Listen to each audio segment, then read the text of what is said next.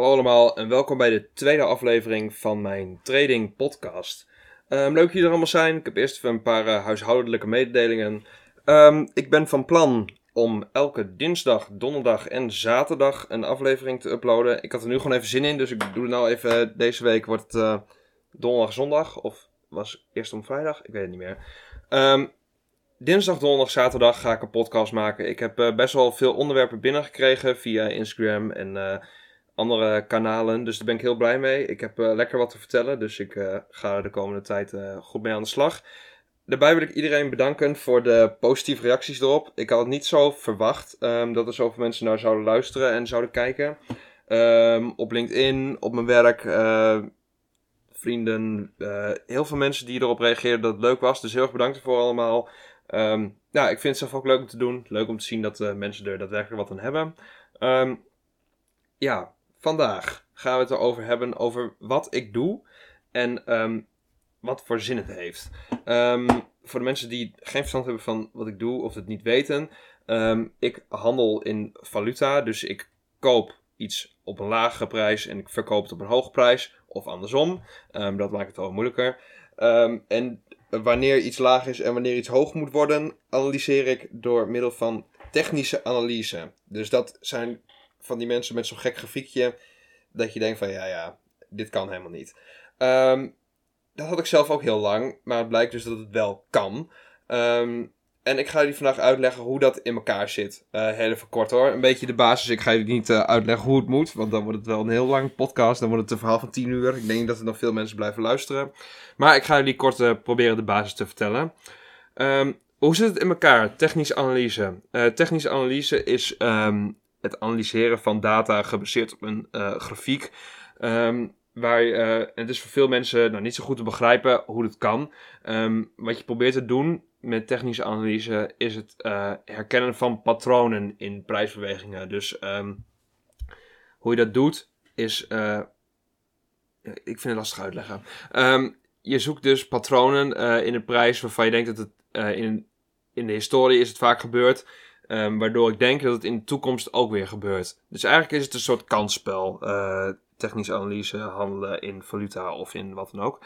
Um, ik denk dat valuta daar het meest geschikt voor is, omdat er minder fundamenteel aan verbonden zit dan bijvoorbeeld aandelen. En uh, crypto is uh, minder goed um, baseerbaar op het verleden, omdat zoals Bitcoin bijvoorbeeld, nou het knalt alle kanten op. Ik vind het zelf heel moeilijk. Ik denk dat er ook mensen zijn die het wel kunnen, maar ik zie het zelf voor nu nog niet zitten, ook omdat ik nog niet zo heel veel ervaring heb. Um, dus wat je doet is een kansspel gebaseerd op empirische kansen. Uh, empirisch, moeilijk woord voor mensen die wiskunde A hebben gehad. Misschien ook wel wiskunde B, weet ik niet. Um, gebaseerd op verleden. Dus het is een kansspel gebaseerd op wat er in het verleden is gebeurd en in de toekomst weer gaat gebeuren.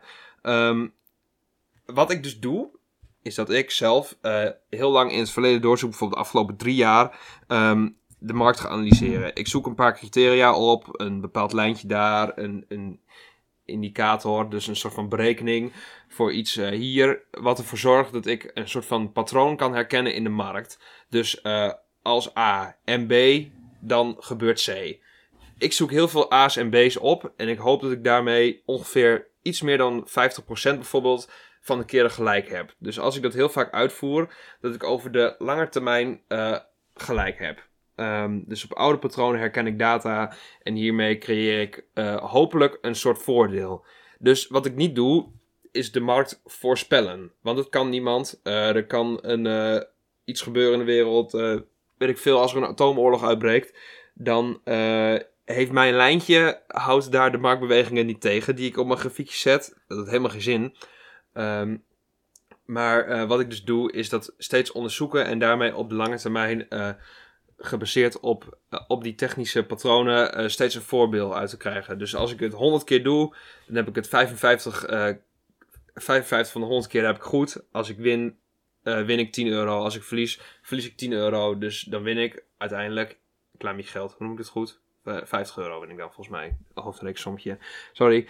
Um, als ik dat steeds blijf doen, dan kom ik op de lange termijn dus winstgevend uit. Um, dus gewoon steeds hetzelfde doen zonder emotie en zonder fouten. Klinkt heel makkelijk, maar wat maakt het moeilijk? Um, de fouten.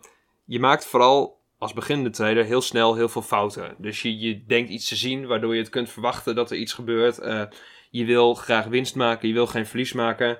Waardoor je je vaak niet volledig houdt aan hoe je dit moet doen. Um, waardoor je heel snel uh, neervalt. Daardoor is het voor mij tot nu toe nog niet gelukt om dat uh, volledig consistent als een soort van robot uit te voeren.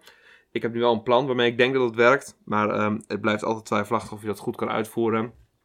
Um, omdat het gewoon heel erg uh, lastig is om dat zonder emoties te doen. Want er is natuurlijk geen goed of fout in de markt. Want omhoog of omlaag, uh, het is niet goed, het is niet fout. Het is alleen goed of fout voor, voor jou. En daarom creëer je een soort van je eigen criteria voor wat klopt en wat niet klopt. Wat het ook nog eens moeilijk maakt, is dat het dus een kansspel is. Dat je soms tien keer achter elkaar verliest dan zit je natuurlijk heel chagrijnig achter je beeldscherm en zit je te denken dat je plan niet meer werkt, waardoor je ook weer fouten gaat maken. Dit maakt het allemaal nog veel moeilijker om het goed uit te voeren en daarom is een stenen mentaliteit heel belangrijk op de markt, die ik tot nu toe nog niet heb, maar ik ben er wel mee bezig om zoveel mogelijk te krijgen. En daarmee kun je consistent geld verdienen. Dus voor iedereen die denkt dat technische analyse een soort van uh, toekomst voorspellen is, nee, is onzin. Ik, uh, het enige wat ik doe is criteria zoeken en daarmee een heel klein voordeel krijgen. Dat heel vaak doen en daarmee uiteindelijk uh, op de lange termijn winnend uitkomen.